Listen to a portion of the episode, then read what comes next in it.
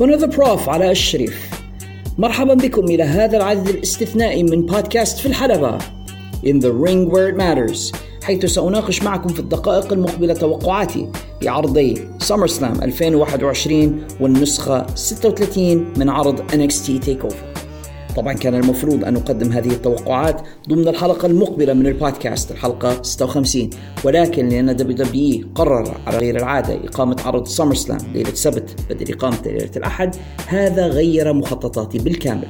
وفرض علي إما أن أقدم البودكاست برمته يعني الحلقة كاملة قبل إقامة عرضي سمر سلام تي وهذا كان سيكون متعسر جدا وسيمنعني من تغطية عروض مهمة أنا بصددها أهمها عرض Rampage من AEW والذي توقع أن يظهر فيه the best in the world CM Punk أو أن أتجاهل هذه التوقعات بالكامل وأقدم الحلقة 56 في موعدها ولكن بدون التوقعات ولأني ما حبيتش إني نحرمكم من هذه التوقعات ولكي نستمتع معا بالإدلاء بها وبالتالي رؤية اذا كانت صحيحة وصائبة بعد إقامة العروض أم لا قررت إني أنا أقوم بتسجيل توقعاتي منفردة ومشاركتها معكم ثم الانتظار ماذا يحصل في SummerSlam و NXT وتقديم إن شاء الله حلقة البودكاست في موعدها بإذن الله تعالى. خلينا مع بعضنا توقعاتنا ل SummerSlam 2021.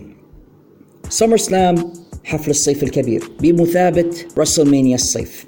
على مدار السنوات شهد SummerSlam ومهرجاناتها عروض ومباريات كبيرة للغاية. ما يتوارد إلى الذاكرة منها الآن مباراة بريت هارت و The British Bulldog في SummerSlam 92 أو مباراة بريت هارت ضد أوين هارت في القفص الحديدي في SummerSlam 94 يتبادر إلى ذهني الآن مباريات The Undertaker ضد ستون كولد ستيف في مباراة ما بين بروك ليسنر و CM Punk. هناك مباريات كثيرة جدا أقيمت على مدار السنوات في عروض SummerSlam خلدتها وجعلت SummerSlam بالفعل بمثابة WrestleMania الصيف. لنرى إذا كان SummerSlam 2021 سوف يكون في مستوى ما قد سبقه في الماضي أم لا؟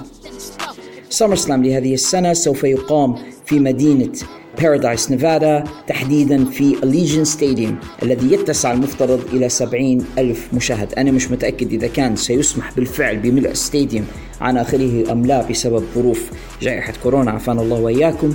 ولكن سعة ال stadium الإجمالية 70 ألف متفرج. خلينا نشوفوا مع بعضنا المباريات التي سوف تقام في SummerSlam لهذه السنة. مباراتنا الأولى درو ماكنتاير ضد جندر مهال درو ماكنتاير أحد النجوم الكبار في ال WWE وأحد المظلومين في رأيي. درو ماكنتاير بعد أن ترك ال WWE منذ عدة سنوات وذهب إلى ال indies قام بإعادة اختراع نفسه. أعتقد أن أبرز محطاته كان في اتحاد TNA الان الحين يقولوا له Impact Wrestling حيث أحرز بطولة العالم وأعاد اختراع شخصيته من جديد. عندما عاد إلى ال WWE عاد ب new perspective أو بوجهة نظر جديدة وبشخصيه جديدة وأثبت بالفعل إنه غادر ال WWE صبيا ولكنه عاد إليه رجلا مكتملا. درو من المصارعين الذين يمتلكون الشخصية الشكل المقدرة على الأداء حتى البروموات متاعته وإن كانت بتلك اللهجة الإسكتلندية الثقيلة بعض الشيء ولكنها بروموات مميزة ومسلية وممتعة. درو ماكنتاير أحد النجوم الذين في رأيي مش واخد حقهم في ال WWE عندما فاز بالبطولة أخيرا في WrestleMania 2020 فاز بها ولكن بدون جمهور. وبالتالي حرم درو ماكنتاير من لحظته من اللحظة اللي يستنى فيها أنه هو يحمل بطولة العالم أمام الجمهور. وحتى عندما عاد الجمهور في WrestleMania 2021 بدلا يفوز باللقب خسره. وخلال الفترة هذه ما بين WrestleMania 20 و WrestleMania 21 يعني تم إقحام درو في الكثير من القصص العبثية والهرائية التي لا تنتمي إلى المنطق بصلة. أحد هذه المباريات وأحد هذه العداءات عداوته مع الهندي جندر مهال. بنظرة موضوعية جندر مهال مش مصارع سيء ولكني لا أراه خصما مناسبا لدرو ماكنتاير في هذه المرحلة. سيما وأن العداوة المقامة ما بين الاثنين ليست على شيء ذي يعني في النهاية على شيء يتصارعوا هم على سيف. الفكرة أن الفكرة أن درو ماكنتاير يحمل سيف تاريخي أثري وأن جندر مهال قام بسرقة السيف منه وأن درو الآن يقاتل من أجل استعادة هذا السيف من جندر. يعني في النهاية الفائز في المباراة لن يحظى بفرصة أن يكون متحدي أو أن يكون number 1 contender على لقب أو أي شيء من هذا القبيل مجرد صراع على a prop على حاجة ملهاش أي قيمة بالنسبة للمصارعة. الحقيقة تضييع كبير لجهود درو ماكنتاير اللي أنا شايف أن المفروض يكون ضمن نجوم الصف الأول وأنه يكون أحد المنافسين على ألقاب العالم وبالتالي أرى بأنه هو هدر لإمكانيات هذا النجم الكبير. مباراة مش متحمس لها كثيرا وينبغي أن يفوز فيها درو ماكنتاير. الموضوع حتى مش مجال سؤال أو شك. ينبغي أن درو ينتهي بسرعة من هذه الخصومة مع جندر مهال وينتقل إلى خصوم أجدر بمواجهته. حيفوز درو ماكنتاير على جندر مهال مباراتنا القادمة على بطولة الولايات المتحدة. شيمس حامل اللقب ضد ديميان بريست. شيمس هو أحد جنود الاتحاد الأوفياء والمخلصين. قضى معهم مدة طويلة جدا وهو طبعا أحد أصدقاء تريبل إتش.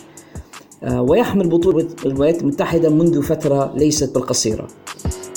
مصارع جيد يمتلك الكثير من المقومات ولكن أعتقد أنه قد آن الأوان أن يحمل هذا اللقب مصارع آخر وأعتقد بأن ديميان بريست هو في المكان المناسب والوقت المناسب.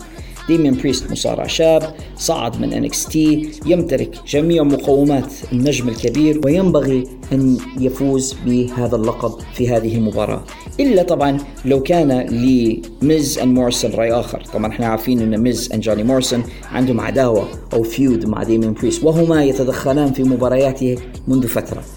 إذا لم يتدخل في هذه المباراة وكانت clean match ديميان بريست سوف يفوز بالبطولة وبالتالي يصبح هو بطل الولايات المتحدة الجديد. وهذه منصة جيدة لإطلاق ديميان بريست كنجم كبير في الدبليو دبليو ولكن لأنه دبليو دبليو ولأن كل شيء سيء ممكن في الدبليو دبليو فأنا لا أستبعد أن يصير التدخل ويحرم ديميان بريست من هذا الفوز. يعني بمعنى آخر المفروض يفوز ديميان بريست وأتوقع حقيقة أن يفوز ديميان بريست ولكن هناك احتمال أن يتدخل ميز and مورسون ويقوما بإفساد المباراة ليفوز شيمس. المباراة اللي بعدها grudge match أو مباراة انتقامية ما بين إدج وسيث رولينز. قصة المباراة أن سيث رولينز يرى نفسه بأنه هو ينبغي أن يزيح أدج من طريقه لأنه هو يرى أن أدج حرمه من فرصته للعب على بطولة العالم في رسلمانيا الماضية. ايدج يرى بأن سيث رولينز هو lite ايدج أو أن نسخة مخففة من ايدج سيث رولينز يهدد ايدج المعروف أن ايدج طبعا تم آه، معالجة عنقه جراحيا بأنه سوف يحطم عنقه مرة أخرى بواسطة الحركة متاعته اللي هو the the curb stomp إحنا عارفين إن ال real life أو يعني مش مش في ال kayfabe أو في ال story بأن سيث رولينز بالفعل عنده تاريخ من إصابة زملائه يعني بالحقة مش ضمن القصة. وأنه تسبب في إعاقة وإصابة بعض المصارعين. أبرزهم الإصابة اللي سببها لستينج مما يجعل القصة حقيقية وفي نفس الوقت يعني متخيلة. هل سيث رولينز سوف يتسبب لأدج في إصابة؟ هل يتمكن أدج من الفوز على سيث رولينز الذي يراه نسخة مقلدة منه؟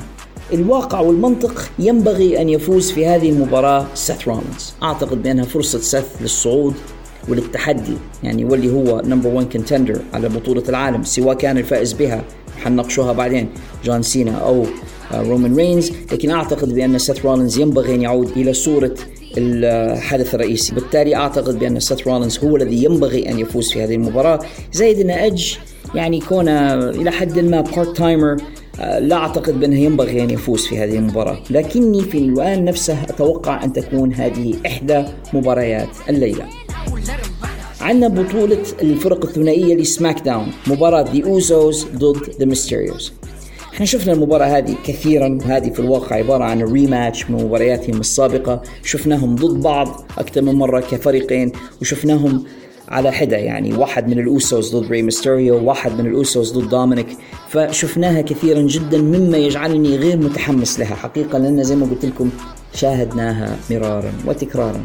هذه المرة أعتقد بأن اليد العليا فيها سوف تكون لذي أوسوس لأني أعتقد وهذا اللي هم بدوا يلمحوا عليه حتى في العرض التلفزيوني بأن هناك نوع من التوتر ما بين ري ميستيريو وابنه دومينيك. دومينيك بدا يعني يتمرد على ري ميستيريو بدا يحاول يثبت بأنه يستطيع القيام بالأشياء بدون الاعتماد على مساعدة والده.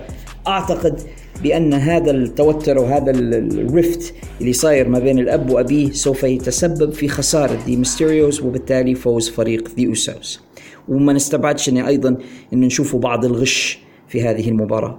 الفوز في المباراة سيكون لذي أوسوس المباراة اللي معانا اللي بعدها مباراة بطولة النساء من سماك داون بيانكا بالير البطلة ضد متحديتها العائدة ساشا بانكس. منذ أيام فقط كان هناك شكوك حتى أن المباراة لن تقام. بيانكا بيلير وساشا بانكس غابتا عن عرضين غير متلفزين كان ينبغي أن تشاركا فيها لأسباب قال عنها الدبليو دبليو غير معلنة. مما قاد الصحفيين إلى الاعتقاد بأن إحدى المصارعتين أو كلتيهما قد أصيبت بداء كورونا. ولكن اليومين الماضيين أعلن ال WWE بأن المصارعتين مسموحا لهما بالمشاركة في عرض SummerSlam لهذه السنة وبالتالي سوف نرى المباراة مما سبب بالتأكيد الكثير من الارتياح لفينس ماكمان يعني كان حيحرم من أحد المباريات الرئيسية في SummerSlam في حال إصابة إحدى المصارعتين بكورونا أو لأي سبب آخر. بيانكا بالير مصارعة ممتازة تمتلك مقدرة رياضية عالية للغاية وساشا بانكس نجمة ما فيش شك في ذلك. مباراتهم السابقة اللي كانت في WrestleMania الماضية كانت مباراة رائعة وكانت حتى تاريخية إن امرأتين وسمراوين يكونوا في ال main event أو الحدث الرئيسي من ليلة من ليالي WrestleMania وكانت مباراة رائعة بالفعل. وفازت فيها في المرة الأولى بيانكا بالير أعتقد أن في مباراة العودة الفوز هذه المرة سوف يكون من نصيب ساشا بانكس اولا لأن ساشا أصبحت نجمة ذات شأن أكبر بعد عودتها ومشاركتها في هوليوود وأعتقد أن WWE يريدون الاستفادة من هذه النجومية وهذا الاسم العائد إليهم من هوليوود. هذه من جهة. من جهة أخرى ال WWE يميلون لل 50 50 booking أو أن لو يفوز واحد مرة فلازم الثاني يفوز في المرة القادمة. بما أن بيانكا قد فازت في المباراة السابقة فأعتقد أن المنطق يفرض بأن تفوز ساشا بانكس في المرة التالية. أيضا أنا لا أستبعد عامل التدخل عامل تدخل كل من كارميلا وزيلينا فيكا في المباراة خاصة وأنا قد رأينا في الحلقات السابقة من SmackDown بأنهما قد انحازتا إلى صف ساشا بانكس ومديرين معها وكأنهم عصابة. فأتوقع أن تتدخل في هذه المباراة وتسبب في الخسارة لبيانكا بالير وبالتالي فوز ساشا بانكس لتصبح هي بطلة النساء ل SmackDown إذا كانت بيكي لينش وهذه النقطة مهمة. هناك كثير من الشائعات عن عودة بيكي لينش إلى ال WWE وال WWE في الفترة الماضية عنده مشكلة كبيرة خاصة بعد الشائعات الشبه مؤكدة عن انضمام كل من سي ام بانك وبراين دانيلسون إلى AEW فأعتقد أن WWE سيحاولون الرد بأنهم هم أيضا يقومون بإرجاع النجم كبير. هذه فرصتهم لإرجاع بيكي لينش اللي هي الآن جالسة على خطوط الاحتياطي. إذا هم قرروا إنهم يجيبوا بيكي لينش للعودة إلى WWE فهذه هي المباراة التي سوف تشهد عودتها. إما تدخلا في المباراة أو إن هي تطلع لتتحدى الفائزة أن يعني متوقعها ساشا بانكس. في نهاية المباراة تطلع لها بيكي لينش وتتحداها وربما تكون هذه اللحظة التي تعيد إلى WWE بعض ال buzz أو بعض الإثارة التي افتقدتها في الأسابيع الماضية خاصة مع الإعلانات الكبيرة من AEW يعني أنا متوقع فوز ساشا بانكس بالتدخل ثم عودة بيكي لينش. إذا كانت ستعود ستعود في هذه المباراة. نصل الآن إلى بطولة نساء WWE Raw ما بين البطلة نيكي اي اس اتش حاملة اللقب ضد متحديتيها شارلوت فلير and ريا ريبلي شارلوت للمتابعين الأخبار موجودة الآن في the dog house أو مغضوب عليها للغاية في ال WWE بعد ترك والدها الأسطورة ريك فلير للاتحاد ثم مشاركتها في عرض Triple A مش هيك بس شارلوت نفسها كانت قد سافرت مع أبيها ريك فلير لحضور عرض Triple A الأسبوع الماضي وكانت موجودة خلف الكواليس وإن لم تظهر الكاميرا.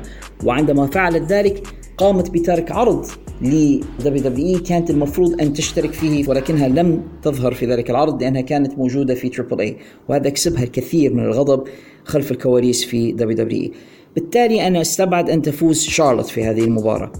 ريا ريبلي مصارعة جيدة ولكني يعني من متابعتي لمسار القصة لا أعتقد بأنها هي من ستفوز وأعتقد بأنهم من ناحية لإغاظة شارلوت ومن ناحية أخرى لأن شخصية نيكي هذه يعني طالعة وتكسب نوع من الشعبية والمحبة من الأطفال الصغيرين والبنات. أعتقد بأن نيكي A.S.H. هي التي سوف تفوز في هذه المباراة. هذا توقعي. نصل الآن إلى مباراة بطولة العالم WWE Championship من Raw ما بين حامل اللقب بوبي لاشلي ضد بيل جولدبرغ مشاركة بيل جولدبرغ في هذه المباراة أثارت غضب الكثير من ال hardcore fans حيث يرى الكثيرون بأنه ليس من العدل أن يشارك بيل جولدبرغ في هذه المباراة على حساب نجوم آخرين ربما كانوا أجدر بالمشاركة على بطولة العالم. في قصة المباراة يقوم مدير أعمال بوبي لاشلي MVP بتهديد ابن بيل جولدبرغ ما يجعل بيل جولدبرغ تلقائيا babyface في هذه المباراة أو طيب ويجعل بوبي لاشلي ومدير أعماله هما الشريران. أنا متوقع حقيقة فوز بيل جولدبرغ في هذه المباراة في يعني مخالفة لتوقعات أغلب اللي شفتهم. أنا أعتقد بأن جولدبرغ بالفعل سوف يفوز في هذه المباراة. سيما وأن جولدبرغ كان قد صرح مؤخرا بأن ما زالين له مباراتين بس في عقده فربما هذه مباراته التي سوف يفوز فيها باللقب ثم مباراة أخرى يخسر اللقب فيها وبالتالي يغادر ال WWE.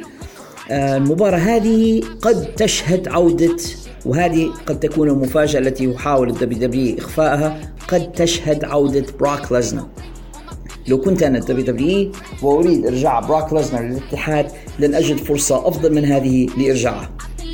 قد تشهد هذه المباراة. عودة بروك ليسنر بعد الفوز بيل جولدبرغ عليه. ليقف براك ليزنر في وجهه ويتحداه ونرى feud أو عداوة ما بين براك ليزنر وبيل جولدبرغ يفوز بعدها براك ليزنر على بيل جولدبرغ أو ربما عائد آخر ربما يفاجئون بعودة برون سترومان أو أحد أحد المصارعين الآخرين اللي هم قاموا بتسريحهم واعادتهم هذه فرصة عودة أحد هؤلاء ليواجه بيل جولدبرغ بعد أن يفوز على بابي لاشلي. هذا احتمال واحتمال آخر إن بعد فوز بيل جولبرغ أن يتدخل بيج إي حامل حقيبة Money in the Bank لكي يقوم بصرف الحقيبة على الفائز بيل جولدبرغ ويصبح هو بطل العالم. هذه كل احتمالات ولكن توقعي لهذه المباراة فوز بيل جولدبرغ على بابي لاشلي. نصل الآن إلى المباراة الكبيرة WWE Universal Championship بطولة سماك داون ما بين حاملها رومان رينز ضد متحديه جون سينا أعتقد إن هذه المباراه الوحيدة في العرض التي حصلت على الكثير من ال build up أو من البناء الجيد. رومان رينز ومنذ سنة وهو يعني WWE يقومون ببنائه بطريقة درامية آه تم إضافة بول هيمن إلى شخصية رومان لمنحه بعض الدعم وبعض المساعدة خاصة في الجزئية الخاصة بال promos لأنه هو حقيقة رومان رينز ضعيف فيما سبق يعني في موضوع ال promos وفي موضوع الحديث. وجود بول هيمن اللي جواره كان دعم جيد له. والشخصية التي قدمها على مدار السنة شخصية The Head of the Table أو آه، زعيم القبيلة أو إلى آخره كانت شخصية جيدة بالنسبة لرومان وصعدت به إلى مصاف أن يعتبره البعض أفضل مصارع في العالم وأنا لا أتفق معهم في ذلك. آه، ولكن ما طار طيرا وارتفع إلا كما طار وقع. وأعتقد بأن سنة وهو يترأس الطاولة تكفيه. أنا أعتقد وهذا مجرد توقعي أنا بأن جون سينا هو الذي سوف يفوز في هذه المباراة. جون سينا العائد إلى ال WWE جون سينا الذي شارك في عدد من الأفلام السينمائية الناجحة. شفناه في فيلم Fast Nine شفناه في فيلم The Suicide Squad وتحول جون سينا بالفعل إلى أحد نجوم الصف الأول في هوليوود.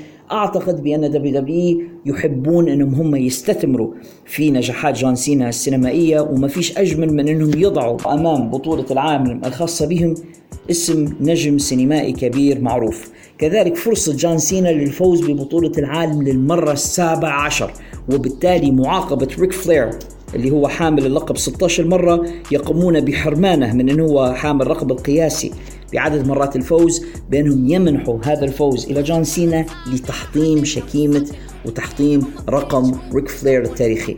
فربما نكاية في ريك فلير وربما لكي يستفيدوا ويستثمروا من آه، اسم جون سينا الكبير الآن في السينما فرصة جيدة ومواتية لمنح هذا اللقب إلى جون سينا. فبالتالي أنا توقعي بالفعل أن يفوز جون سينا على رومان رينز. المباراة لن تخلو من التدخلات وأعتقد بأننا سوف نرى The Usos يتدخلون فيها لإفساد على جون سينا ومحاولة مساعدة قريبهم رومان. ولكن في النهاية أعتقد بأن جون سينا هو الذي سوف يفوز ويصبح حامل اللقب للمرة السابعة عشر. بعد ذلك ربما نرى إذا لم يتدخل بيج إي في مباراة جولدبرغ وبابي لاشلي أعتقد بأننا سوف نرى تدخل بيج إي ربما في هذه المباراة وصرف الحقيبة على البطل الجديد جون سينا وانتزاع اللقب منه يعني جون سينا يصبح بطل ولو لمدة دقائق. بطل المرة السابعة عشر قبل أن يدخل بيج إي وينتزع اللقب منه. ليصبح هو بطل العالم الجديد وربما نرى بعد ذلك عداوة ما بين رومان وبيج إي هذا احتمال من الاحتمالات ولكني في كل الأحوال متوقع فوز جون سينا على رومان رينز في مباراة ال Universal Championship ما بينهما. هذه كانت توقعاتي بالنسبة لعرض سمر سلام 21 بالنسبة ل NXT TakeOver والذي سوف يقام في ال Capitol Wrestling Center يعني في المركز التدريب بتاعهم وأعتقد إنه لن يحظى بحضور جماهيري كبير. نشوف مع بعضنا المباريات التي سوف تقام ليلة الأحد الثاني والعشرين من أغسطس. مباراتنا الأولى عندنا LA Knight ضد كاميرون جرايمز على بطولة The Million Dollar Championship. ال stipulation الغريب أنه إذا خسر كاميرون جرايمز فإن The Million Dollar Man تيد بيازي سوف يصبح خادم ل LA Knight منطق المصارعة يقول إنه بعد الانتصارات التي أحرزها LA Knight معروف إحنا باسم Eli Drake آه، بأن كاميرون جرايمز وأخيرا ينبغي أن يفوز على LA Knight ولكن جزء مني يتوقع بأن يفوز LA Knight في هذه المباراة كذلك. وأعتقد باننا سوف نرى The Million Dollar Man تيد بيازي وهو خادم ل LA Knight وسيكون ذلك طريفا للغاية خاصة ونحن قد رأينا بالفعل فيما مضى The Million Dollar Man وهو عنده خادم في المصارعة فيرجل فشوفوا يعني تقلبات الأقدار وبعد مرور السنوات يصبح Million Dollar Man هو الخادم عند مصارع آخر. في المباراة التالية كايل أورايلي ضد آدم كول في مباراة تثبيتين من ثلاثة. المباراة هذه ستكون دليلا قويا على الوجهة التالية لادم كول. إذا فاز فيها هذا معناه أنه هو باقي مع NXT أو مع ال WWE بصفة عامة. إذا خسر قد يكون ذلك مؤشرا قويا على انتقال آدم كول من اتحاد WWE أنا شخصيا أعتقد أو آمل بأن آدم كول سوف يغادر ال WWE وسوف يعني يستغل فرصة أن عقده قد انتهى وينتقل إلى مكان آخر. وبالتالي أنا متوقع فوز كايل أورايلي على آدم كول أن آدم كول will do the honors أو سيقوم بال الواجب اللي عليه يخسر هذه المباراة بعد ما تكون مباراة جميلة بالفعل ولكنه سيخسر أمام كايل أورايلي زميله السابق وصديقه في فريق The Undisputed Era وسينتقل من WWE إلى مكان آخر. المباراة اللي بعدها على بطولة نساء NXT راكيل غونزاليس ضد متحديتها وصديقتها السابقة داكوتا كاي. ال build up للقصة وكل المؤشرات تدل على أن داكوتا كاي هي التي سوف تفوز على راكيل غونزاليس. أعتقد بأن الآن الوقت لراكيل أن هي تصعد إلى العروض الرئيسية وأعتقد أن داكوتا هي التي سوف تصبح حاملة لقب نساء NXT المباراة التي بعدها قد تكون مباراة الليلة والتر ضد دراغنوف على بطولة NXT UK كان قد تواجه في شهر 10 شهر أكتوبر من السنة الماضية في واحدة من أجمل مباريات سنة 2020 والتر معروف بالأسلوب القوي جدا. دراغونوف لا يختلف عنه كثيرا. المباراة السابقة ما بينهما كانت رائعة وأنا متوقع أن هذه أيضا ستكون رائعة من الروائع. وأتوقع أن يفوز فيها إيليا دراغنوف لكي ينتقل بعدها والتر إما إلى NXT أو إلى العروض الرئيسية. وإن كنت بصراحة لا أتمنى صعود والتر إلى العروض الرئيسية لأني لا أعتقد بأن ال WWE سيعلم ماذا يفعل بنجم مثل والتر نصل الآن إلى الحدث الرئيسي من العرض كاريون كروس ومع سكارلت ضد سامو جو على بطولة NXT مما رأيناه سابقا يبدو بأن كاريون كروس في طريقه للصعود إلى العروض الرئيسية وكنا قد شاهدناه بالفعل في عدة مرات في عرض Monday Night Raw فأعتقد بأنه قد آن الأوان أن يخسر كاريون كروس بطولة NXT وأن يتركها لمصارع آخر ليصعد إلى العرض الرئيسي غالبا إلى Raw هذا يخليني أتوقع فوز سموجو على كاريون كروس طبعا قد تصير في الأمور أمور وقد يكون لل WWE رأي آخر ولكن المؤشرات كلها تشير إلى أن كاريون كروس سوف يخسر اللقب لحساب سموجو الذي سوف يبقى بمثابة الحارس الأمين لبطولة NXT إحنا نشهد مع هذا العرض نهاية حقبة في NXT لأن NXT سوف تعود من جديد إلى كونها مجرد developmental أو مجرد عرض تطويري حيث سيعودون إلى تسجيل الحلقات بدل تقديمها بشكل مباشر وشكل لايف ستعود NXT من جديد إلى تقديم حلقات مسجلة وسيقومون رويدا رويدا بإفراغ الراستر أو الطاقم الرئيسي للعرض من نجومه الموجودين. واستبدالهم بنجوم شباب صغار في السن ضخام الحجم ومجرد محاولة اكتشاف نجوم جدد بدل أنه هو كان عرض رئيسي. يعني ربما نستطيع أن نقول عن NXT تيك أوفر هذا بأنه NXT The End. لا نتمنى ذلك ولكن ذلك ما يبدو عليه الوضع. كانت هذه توقعاتي لعرضي سمر سلام تي القادمين من WWE أرجو أن تكونوا قد استمتعتم بها وإذا كانت كذلك فأرجو انكم أنتم تتركوا لي ارائكم في الأماكن المخصصة لذلك في ال social media أو في التواصل الاجتماعي. كذلك أنا أتمنى أني أرى توقعاتكم أنتم وهل توافقونني فيما قلت أم لديكم توقعات مختلفة. إلى ذلكم الحين استودعكم الله الذي لا تضيع ودائعه وإلى اللقاء في الحلقة القادمة من بودكاست في الحلبة In the Ring Where It Matters. أنا معكم. محدثكم The Prof على الشريف